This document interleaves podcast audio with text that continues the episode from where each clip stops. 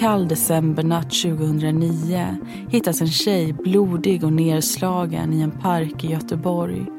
Hon har blivit utsatt för ett våldtäktsförsök men kommit undan med livet i behåll. Killen som attackerat henne har ett välfyllt belastningsregister. Han är aggressiv, impulsiv och tycks ha ett starkt hat för kvinnor. Det är inte första gången han försöker ta det han vill ha och det kommer heller inte bli den sista. Bara tio dagar senare ska han slå till igen och ge sig på en tjej han träffat på en fest. Och när han är klar med henne kommer hon inte resa sig igen.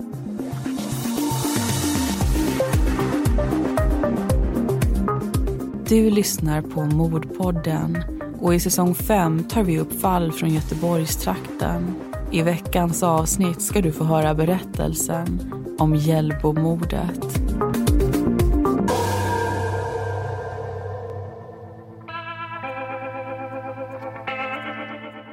År 1999 flyttar en 12-årig pojke tillsammans med sin familj från Nederländerna till Sverige. Pojken heter Omar och föds i Somalia 1988. När han bara är några år gammal tvingas familjen fly landet som är på väg in i ett inbördeskrig. Familjemedlemmarna skiljs åt. Omars pappa blir kvar i Somalia samtidigt som resten av familjen tar sig till först Syrien och sen Nederländerna. Där ansöker de om asyl och väntar på pappan. Efter ett antal år kan de återförenas och familjen blir hel igen. Men när Omar blir äldre märker hans föräldrar till sin förfäran att sonen hamnat i dåligt umgänge och börjar bete sig kriminellt. De bestämmer sig för att ett miljöombyte kan hjälpa Omar in på nya banor och flyttar därför till Sverige. Den tolvåriga pojken växer upp i det nya landet. Men istället för att bryta med sitt förflutna tar han det med sig. Oavsett hur mycket hans föräldrar stöttar och försöker hjälpa honom vänder han dem ryggen. Han omfamnar istället ett liv som består av kriminalitet och våld. Tidig vår 2004 ger han sig på en flicka som går i nian på en skola i Angered. Han får syn på henne utanför en fritidsgård där hon står och väntar på en kompis. Han ropar på flickan, som heter Isabelle och säger åt henne att komma. Men Isabelle vet att Omar har ett rykte som en farlig kille och väljer att ignorera honom. Då kliver Omar fram till Isabelle och grabbar tag i henne. Han lyfter upp och bär henne runt hörnet på byggnaden. Sen försöker han slita av henne byxorna samtidigt som hans kompisar kastar snöbollar på henne. Men Isabelle skriker och lyckas ta sig ur situationen med hjälp av en kompis som ser vad som händer. En vecka senare får Omar syn på Isabelle igen och den här gången ska hon inte komma undan. Inne på skolans bibliotek sliter han tag i henne håller för hennes mun och drar in henne på en toalett och låser. Utanför står en kompis vakt. Omar börjar slå Isabelle i ett fruktansvärt raseriutbrott. Han riktar slag mot hennes rygg, knäar henne i ansiktet sparkar och stampar på henne och dunkar hennes huvud i väggen. Isabelle svimmar av den grova misshandeln och när hon vaknar försöker Omar dra ner hennes byxor. Hon stretar emot och efter ett tag ger han upp sitt försök och försvinner ut från toaletten. Då går kompisen in och ger henne en örfil. När Omar är 16 år har han dömts för bilstöld och olovlig körning samt ofredande och misshandel. Påföljderna blir böter, vård inom socialtjänsten och samhällstjänst.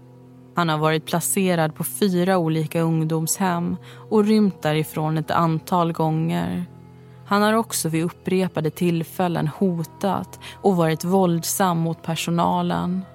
Det är tydligt att han har aggressionsproblem och man försöker gång på gång att råda bot på det. Men ingenting tycks hjälpa och ingen verkar kunna nå honom. Socialen, skolan och barnpsykiatrin är alla involverade i hans vård. Men Omar faller mellan stolarna. Problemet är att man inte anser att det finns tillräckliga skäl för tvångsvård och alla behandlingar han genomgår är frivilliga.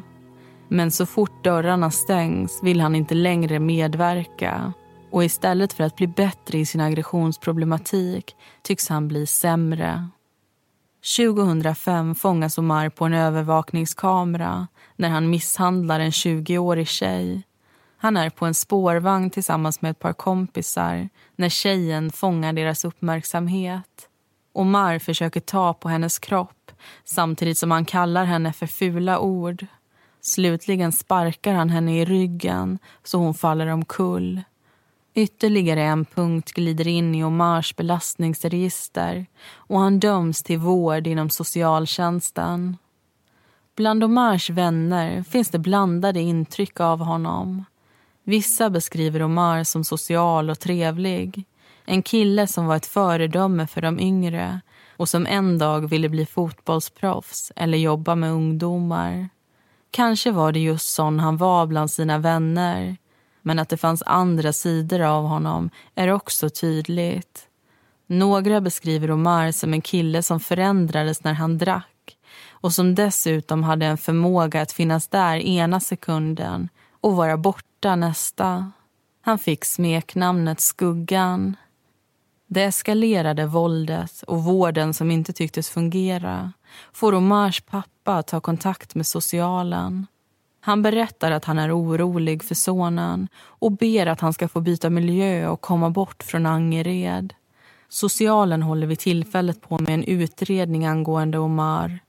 En ny vårdplan ska läggas fram som man hoppas ska få mer genomslagskraft än de tidigare. Utredningen fastställer att ett fängelsestraff inte skulle gynna Omars utveckling och att det fortfarande finns stöd att finna i hans familj. Slutligen kommer man fram till att Omar ska få en kontaktperson som ska hjälpa honom två timmar i veckan. Dessutom skrivs han in i en artkurs som är till för att minska våldstendenser och lära människor att bättre kontrollera sin ilska. Vid tio tillfällen ska han medverka i två timmar.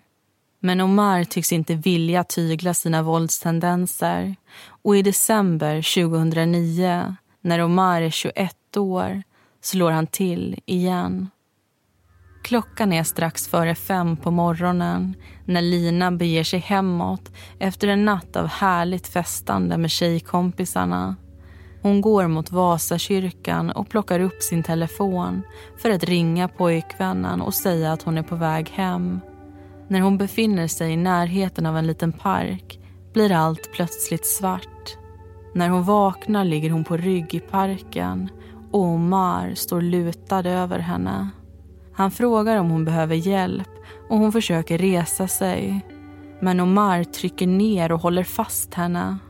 Lina känner sig trög i huvudet och försöker putta och sparka bort den för henne okända mannen. Men Omar vägrar släppa taget. Med ena handen trycker han ner hennes axel och med den andra försöker han dra ner hennes strumpbyxor och underkläder. När hon skriker säger han åt henne att hålla käften och kallar henne för hora. Samtidigt försöker han knäppa upp sina egna byxor. Men Lina kämpar emot och sliter upp sina underkläder varje gång han drar ner dem. Hon förstår att han tänker våldta henne och hon skriker och sparkar allt vad hon kan. En spark träffar honom rakt i skrevet och han riktar därefter flera slag mot Lina. Men så avbryter Omar våldtäktsförsöket och försvinner från platsen. En stund senare är hundföraren Peter på väg från ett inbrottslarm till sin kollega när han ser Lina komma gåendes längs en gata. Hon stapplar och går långsamt. Han förstår att någonting inte står rätt till med kvinnan och när han närmar sig ser han en mask av blod som runnit ner för hennes ansikte. Han stannar och försöker prata med henne. Hon mumlar och säger att hon har blivit av med sin mobiltelefon. Hon vill ringa sin pojkvän. Peter tar kontakt med larmcentralen och lägger om Linas sår. Hon är chockad och har svårt att förklara vad som hänt. Peter förstår därför inte direkt vad hon har varit med om. Ambulansen anländer och Lina tas om hand om. Hon har en hjärnblödning, revbensskador, flera sår och blåmärken. Dessutom är hon rejält nedkyld. Rehabiliteringen kommer vara smärtsam och ta tid men Lina kommer att överleva vilket inte kan sägas om Omars nästa offer.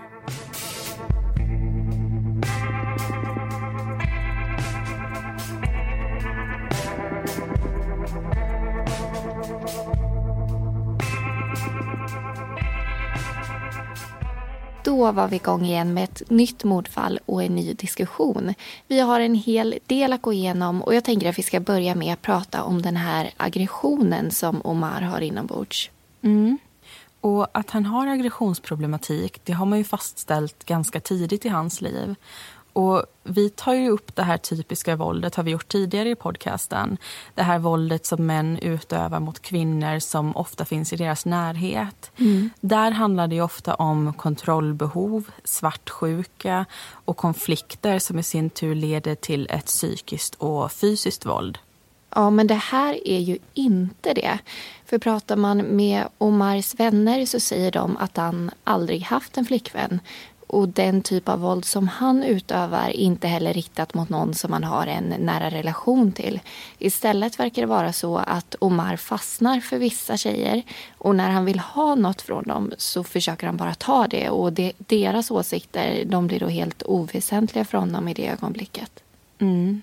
Och Det här beteendet tycks ju kunna triggas också. Första gången Omar ger sig på Isabelle så är det ju efter att hon ignorerar honom när han ropar.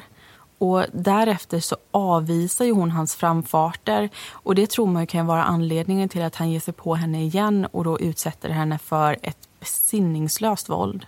Och samma sak kan också speglas i attacken på spårvagnen. För tjejen vill inte ha med honom att göra och då sparkar ju han ner henne. Så det ligger säkert något i det här med att han har svårt att bli avvisad och ser det som en förolämpning helt enkelt. Som han måste få rätsida på genom att ge igen. Men attacken på Lina och den attacken som vi kommer ta upp i berättelse 2, de är helt oprovocerade. Och där tror man ju att det handlar om en impulshandling. Och de här överfallen är ju ofattbart grova. Och jag skulle säga att det faktiskt är tur, om man får säga så, att Lina överhuvudtaget kommer därifrån levande. Och Såna här fall får mig alltid att vilja gå till botten med vartifrån det här beteendet kommer. För Omar han beskrivs ju som aggressiv, impulsiv och han tycks ha ett så starkt hat mot kvinnor. Och Jag vill förstå hur det här kommer sig. Men tyvärr så är det här en av de här frågorna som inte riktigt får ett svar. Nej, och en polis som varit med under hela utredningen beskriver Omar som en person utan empati som aldrig behövt ta konsekvenser av sitt handlande och där föräldrarna alltid ställt upp för honom oavsett alla bakslag. Och Det tas också upp hur mycket resurser samhället lagt på att försöka hjälpa Omar men hur det i slutändan då inte fungerat. Och Vi ska ju snart återgå till berättelsen. Men eh, i vanlig ordning så vill vi först berätta om en annan podd som ni kan hitta i Radioplay-appen. Regnbågsliv heter den och programledarna är Tobias Torvid och Anton Johansson. Och podden möter varje vecka kända hbtq-profiler. De snackar om att komma ut, könsidentitet, psykisk ohälsa och självklart också en hel del om kärlek. Nytt avsnitt kommer ut varje torsdag så leta upp Regnbågsliv i din poddapp om det är någonting för dig. Men nu ska vi återgå till dagens fall och berätta om en fest som Omar befinner sig på natten mellan den 29 och 30 december.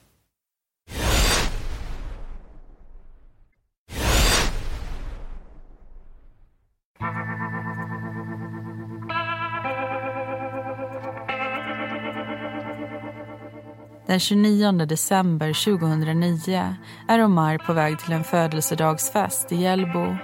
Ett lager av snö täcker den annars gröna marken och kylan biter tag i näsa och kinder. Han anländer till festen tillsammans med ett par vänner hänger av sig ytterkläderna och börjar hälsa på dem som redan är där. Det är mycket folk i lägenheten och stämningen är god. Omar och vännerna gör sig hemmastadda och fixar något att dricka. För Omar är det energidryck och vodka som gäller. På plats den kvällen är också 18-åriga Nancy. När klockan börjar närma sig ett på natten känner hon sig trött och säger till en av sina vänner att hon tänker dra sig hemåt. Hon kliver ut i den mörka decembernatten och styr stegen mot sina föräldrars bostad. Till vänster om henne syns flera lägenhetshus passera och till höger de tillhörande garagelängorna. Hon plockar upp sin mobiltelefon, slår in ett nummer och håller den mot örat. Annika är hemma när hon hör telefonen ringa. Hon svarar. Det är Nancys röst i andra änden. De två tjejerna har känt varandra sedan barnsben och har en väldigt nära relation. Ibland känns det som att de är systrar. Nancy berättar att hon är på väg hem från en fest och Annika hör att hon låter både glad och trött. Hon undrar om hon ska möta Nancy eftersom de bor bara några hus ifrån varandra. Men Nancy säger att det inte behövs. Hon är i backen och har bara några hundra meter hem. När de pratat ytterligare en stund hör plötsligt Annika att Nancy med panikartad röst säger Vad gör du? Vad gör du? Annika hör hur rädd Nancy låter och efter det ett skrapande ljud. Sen bryts samtalet. Annika ropar omedelbart på sina föräldrar och säger att Nancy kan ha blivit överfallen. Därefter kastar hon på sig jacka och skor och springer ut genom ytterdörren. Annikas pappa har gått och lagt sig när dotterns skrik når honom. Han vaknar till och förstår inte riktigt vad som händer. Han snappar dock upp att det är något med Nancy och drar därför på sig ett par byxor. Han hör ytterdörren slås igen och tar på sig en t-shirt, jacka och skor innan han rusar efter dottern. Han vill inte att hon ska springa ut ensam. Det är ungefär sju grader kallt utomhus och gatorna är istäckta. De springer förbi flera hus och in på den gångväg som Nancy senast befann sig på. De stannar och Annika ringer till Nancys mobil. De spetsar öronen, men det enda som möter dem är tystnad. En bit därifrån är 16-åriga Josef på väg för att möta upp en kompis. Han sätter sig på ett lågt staket intill ett buskage vid en rondell Plötsligt hör han ett svagt trummande ljud. Han förstår att det är ljudet av en mobiltelefon och reser sig upp för att se om han kan lista ut vart ifrån det kommer. Det är mörkt på gångbanan men snart ser han ändå en telefon som ligger och blinkar. Josef plockar upp den och ser en mörk fläck i snön strax intill. Han tycker att det ser ut som när smuts och snö samlats bakom däcket på en bil. Smutsen bildar ett spår som leder bort från gångvägen och upp mot skogsbrynet strax intill. Han får en känsla av obehag i kroppen och ser sig omkring. Men det finns ingen där. Kompisen Rashad dyker upp i en bil och Josef hoppar in i passagerarsätet. Mobilen fortsätter att ringa och han bestämmer sig för att stänga av den och plocka ur simkortet. Han sträcker därefter över telefonen till Rashad. Annika fortsätter att försöka nå Nancy, men får inget svar. Med pappan i hälarna springer hon fram och tillbaka längs vägar och gångvägar. När de kommer fram till en rondell stannar Annikas pappa. Bakom honom närmar sig en man snabbt. Han får en känsla av att mannen iakttar dem och ställer en fråga till honom. Men mannen svarar inte och går bara därifrån. Dottern är 10-15 meter framför pappan när han får syn på något i snön. Det är en stor blodfläck och krossat glas. Blodspåren leder bort från gångbanan och upp mot skogsbrynet. Där ser han en tjej som ligger orörlig på marken. Annika vänder sig om och ser att pappan stannar till. När hon kommer närmare hör hon honom säga “Här är hon”. Pappan ringer till SOS Alarm samtidigt som Annika närmar sig skogsbrynet. Hon vill först inte tro att det är Nancy. Att det är hennes vän som ligger livlös i snön med kläderna i oordning. Annika försöker rätta till kjolen som har åkt upp och hennes pappa tar av sig jackan och lägger den över henne. Det är mörkt och ansiktet är blodigt.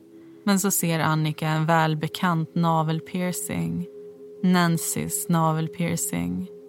Insikten om att det verkligen är hon slår till och Annika försöker väcka vännen genom att skaka hennes arm. Men hon får inget svar. Medan pappan pratar med SOS Alarm tar Annika upp telefonen och ringer till Nancys mamma. När polisen anländer är det en hel del människor på plats. Det är bland annat Nancys familj. De kliver ur bilen och polisen Bosse ser direkt den sönderslagna Pommacflaskan och blodet i snön. När han närmar sig skogsbrynet blir han väldigt tagen av det han ser. I 20 år har han arbetat som polis och han förstår direkt allvaret i situationen när han ser den sönderslagna tjejen liggandes på sidan med en jacka över sig. Han skickar fram polisen Jonas som är utbildad sjuksköterska och börjar spärra av området. Jonas försöker hitta Nancys puls men lyckas inte. Han noterar dock flera skador samt hur nedkyld hon är och påbörjar hjärt och lungräddning. Efter en stund känner han en svag pust av andning och hör hur hon rosslar till. Han försöker få på henne en syrgasmask men blodet gör att han har svårt att få fäste. Blåljusen från larmfordonen lyser upp den vita snön och snart lastas Nancy in i en ambulans för att tas till sjukhus. Poliserna börjar gå igenom brottsplatsen och beger sig också till den fest där Nancy befunnit sig innan överfallet. De människor som fortfarande är på plats ska hållas kvar och identifieras.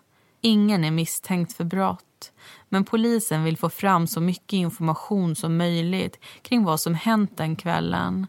När Nancy kom dit, om det var bråkigt på festen och vilken tid Nancy gick därifrån.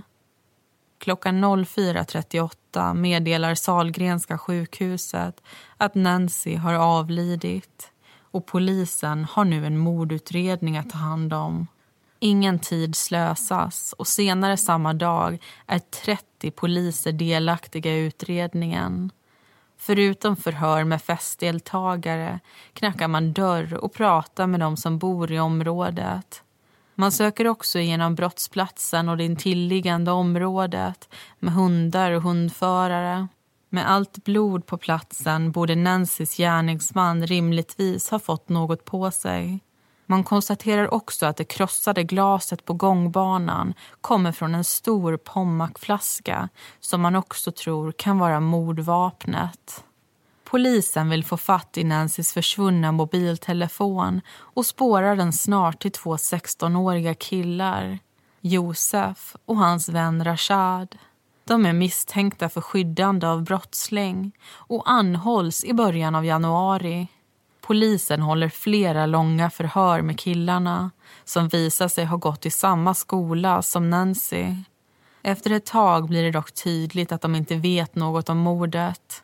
Josef hade sett mobiltelefonen som ett uppskattat hittegods och varken han eller Rashad förstod vem den tillhörde eller vad som hade hänt den kvällen.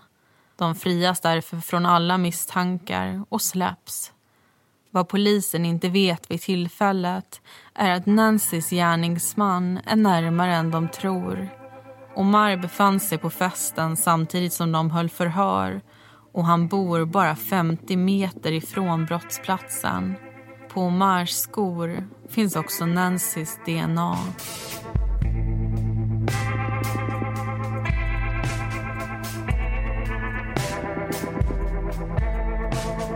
Mordpodden.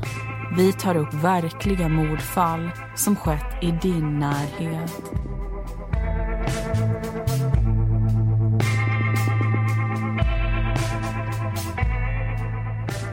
Då är vi tillbaka i studion igen och den här gången ska Linnea och jag diskutera utredningen och spåren som man undersöker. Ja, och den här utredningen den ges ju väldigt mycket resurser redan från början. Många poliser är delaktiga och eh, redan tio dagar in så har man hållit ungefär 150 stycken förhör. Men ett problem som man har det är ju att man inte hittar någon som har sett Nancy gå hem den kvällen. Hon går ju förbi flera lägenhetshus och tillhörande gårdar och man vet att folk har rört sig i området vid just den här tiden. Men ingen säger sig alltså ha sett henne. Nej, men däremot så får polisen svar på en annan fråga de har. Det gäller den här sönderslagna flaskan som man tror är mordvapnet. Man undrar till en början om någon sett en person som burit runt på den här flaskan den kvällen. Och det visar sig att någon har det, men flera dagar tidigare. Flaskan har nämligen stått där ett tag och kan alltså inte spåras till gärningsmannen. Nej. Sen har vi ju de här 16-åriga killarna som hittar Nancys mobiltelefon. Och De är ju misstänkta för brott till en början men de släpps ju sen ganska omgående. Däremot så är det ju inte alla som riktigt tror på att de är oskyldiga. Och Både de här killarna och deras familjer de mottar ju såna hot att de faktiskt måste tas till skyddat boende under utredningens gång.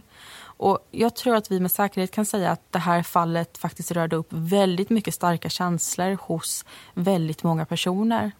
Ja, och det tycker jag är helt förståeligt och det gör det såklart även hos mig. För det här mm. det handlar om en ung tjej och ett väldigt grymt brott. Samtidigt så leder det in oss på något som vi har pratat om en del tidigare. Jag tänker på gestaltning. Alltså hur medier väljer att framställa en eller flera personer. Och det har ju vi jobbat mycket med under vår utbildning. Ehm, och i det här fallet så tänker jag särskilt på Omar, eller mm. Skuggan som han kallas. Han får ju faktiskt inte ens ett namn utan han är så ond att hans namn blir mörker, alltså en skugga. Så skulle man ju kunna tolka det här. Ja, och jag måste bara säga att jag håller med dig fullständigt på den punkten. Jag tyckte också att det var väldigt intressant att man väljer att plocka upp just det. Och när vi målar upp gärningsmän på ett sånt här sätt då tycker jag att det blir lätt att förstå att även Omars familj senare faktiskt måste placeras i skyddat boende de också. Och jag säger inte att gestaltningen är felaktig men det man måste hålla i åtanke det är att en person kan inte summeras till en sidas artikel så lätt. Inte ens i våra tio sidors långa berättelser som vi gör till den här podden så kommer vi ju ens i närheten av att beskriva gärningsmän eller offer så som de verkligen är. Nej, och det tycker jag är jätteviktigt att komma ihåg. Och En annan sak som vi ska ta upp det är polisernas jakt efter Nancys mördare. Det man inser ganska snart det är att Nancy troligtvis har utsatts för ett överfallsmord. Och Det är precis vad det låter som. Men det kännetecknas också av att det sker utomhus och att gärningspersonen och brottsoffret inte känner varandra sedan tidigare.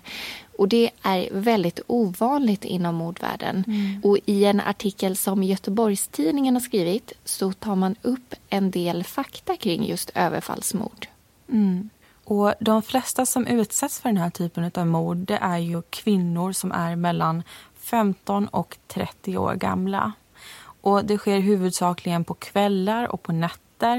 Gärningspersonen kan vara någon som är full eller som har droger i sitt system ser en person man aldrig sett förut och bara ger sig på den. Men det kan ju också vara en person som har planerat det här i flera år som ligger och väntar och sen hittar precis det som han söker. Och Sådana här fall kan vara väldigt svåra att lösa just för att det inte finns någon personlig koppling mellan offer och gärningsman. Samtidigt så får det en väldigt hög prioritet hos polisen och har trots allt en hög uppklarningsstatistik. Och Nancys fall stämmer ganska väl överens med just ett överfallsmord. Hon och Omar känner inte varandra personligen sen tidigare men i och med att de bor ganska nära varandra så har de ändå ett par kopplingar. Och Den ena av de här det är ju att Omar är bekant med Nancys kusin och den andra att Omar och Nancy är Facebookvänner. Och Den sista biten information som vi ska ta upp i den här diskussionen det handlar om någonting som kallas för 30-dagarsregeln. Och det här uttrycket det kommer från polisens egna statistik som säger att någonstans mellan 94 till 96 procent av de mordfall som klaras upp de gör det inom just 30 dagar. Och Det är antingen att man under de här 30 dagarna får fast en gärningsman eller att man samlar in de bevis som sedan faktiskt leder till att man kan gripa någon. Mm. Men nu tycker jag att vi hoppar från den här statistiken och tillbaka in i berättelsen. För vi ska få höra mer om bevisningen i fallet.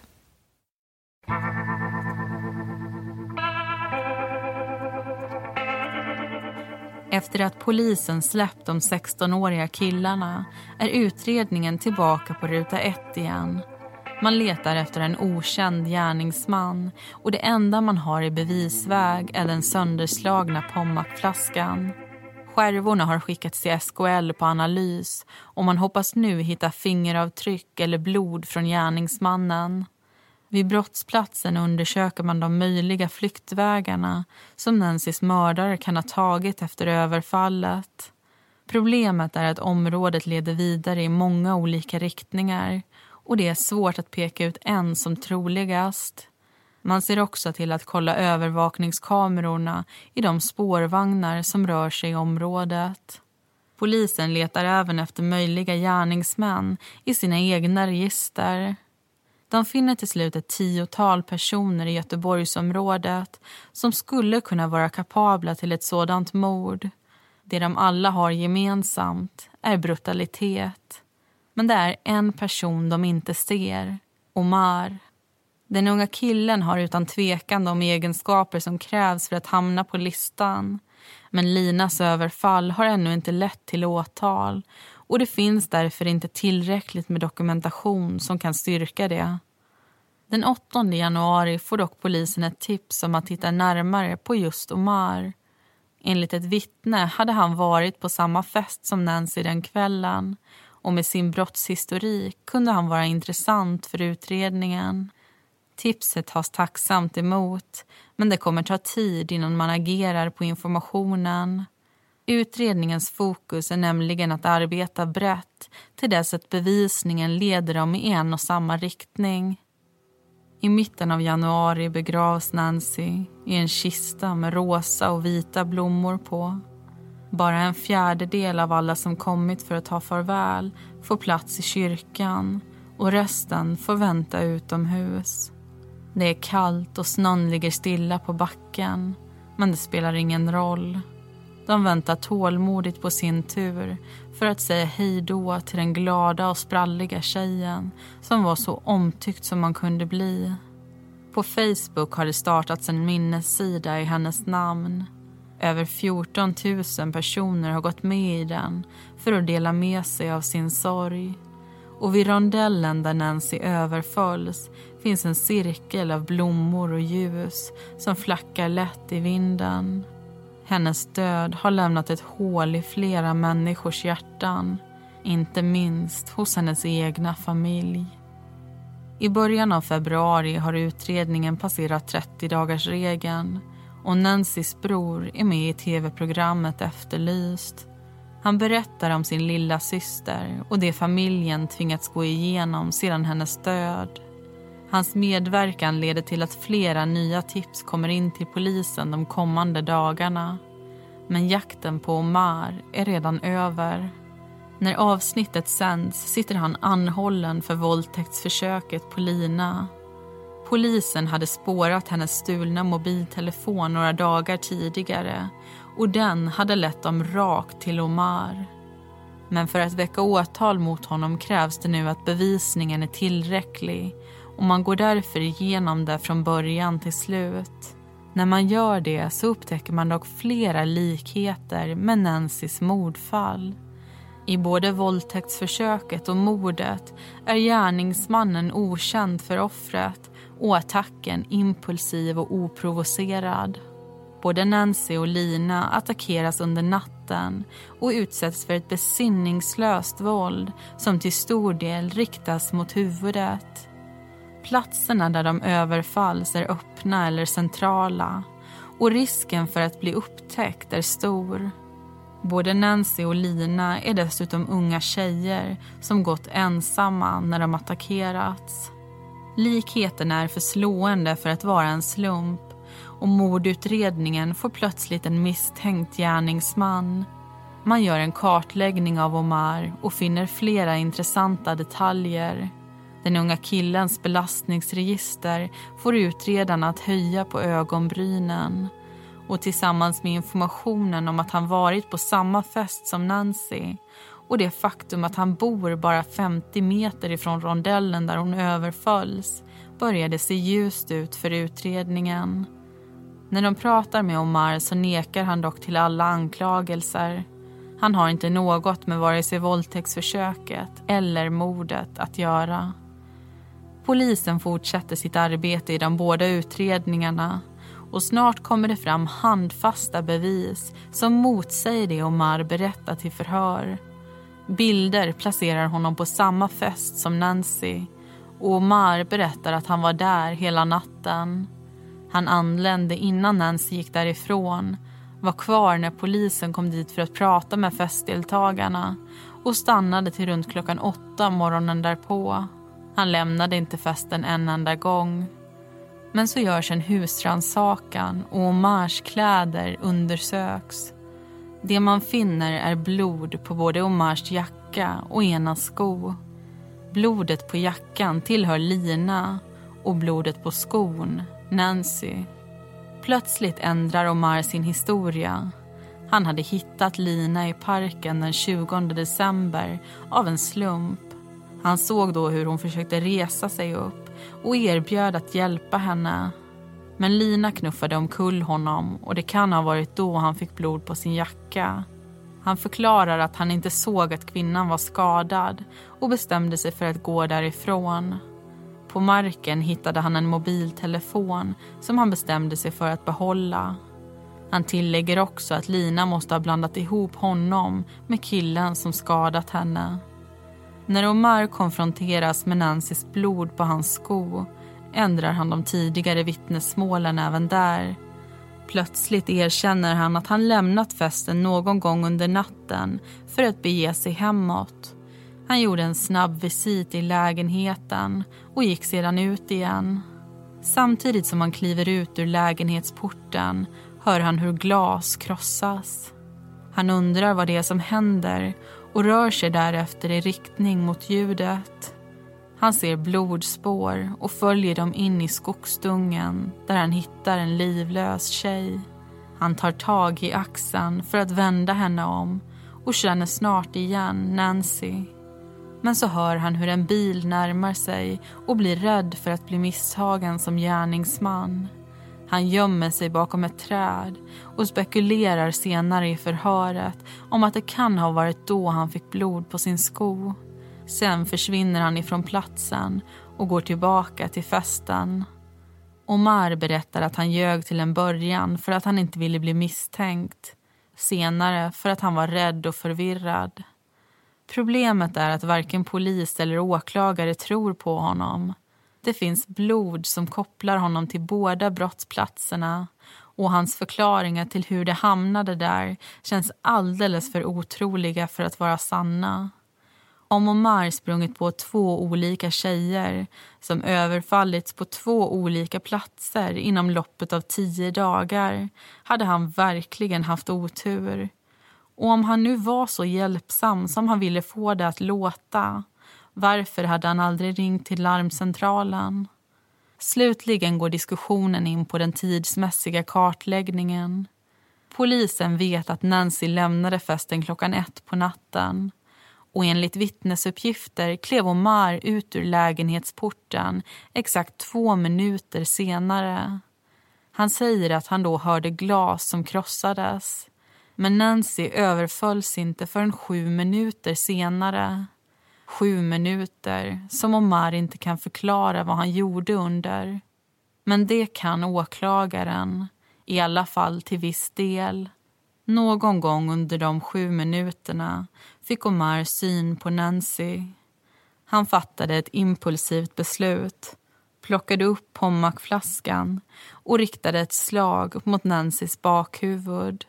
Ett slag som skulle lämna henne medvetslös då han senare släpade in henne mot skogsbrynet och försökte våldföra sig på henne. Nancys ljus släcktes den natten.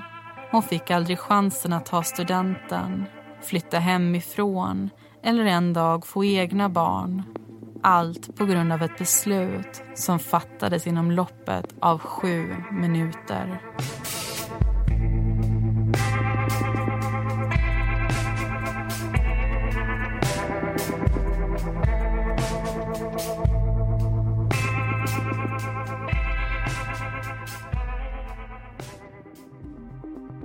Omar dömdes i Göteborgs tingsrätt till 16 års fängelse för stöld, försök till grov våldtäkt och mord. Fallet överklagades till hovrätten för västra Sverige som fastställde domen.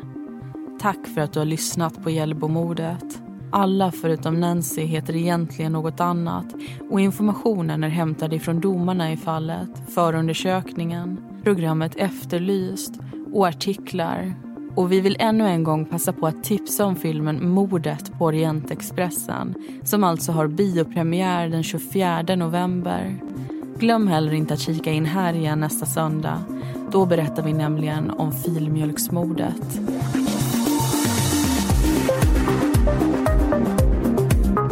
Vi som gör Mordpodden heter Linnea Bolin och Amanda Karlsson. Bakgrundsmusiken består av låtarna Lasting Hope, Lightless Dawn och Soaring från Kevin MacLeod samt Deep Space från Audionautics.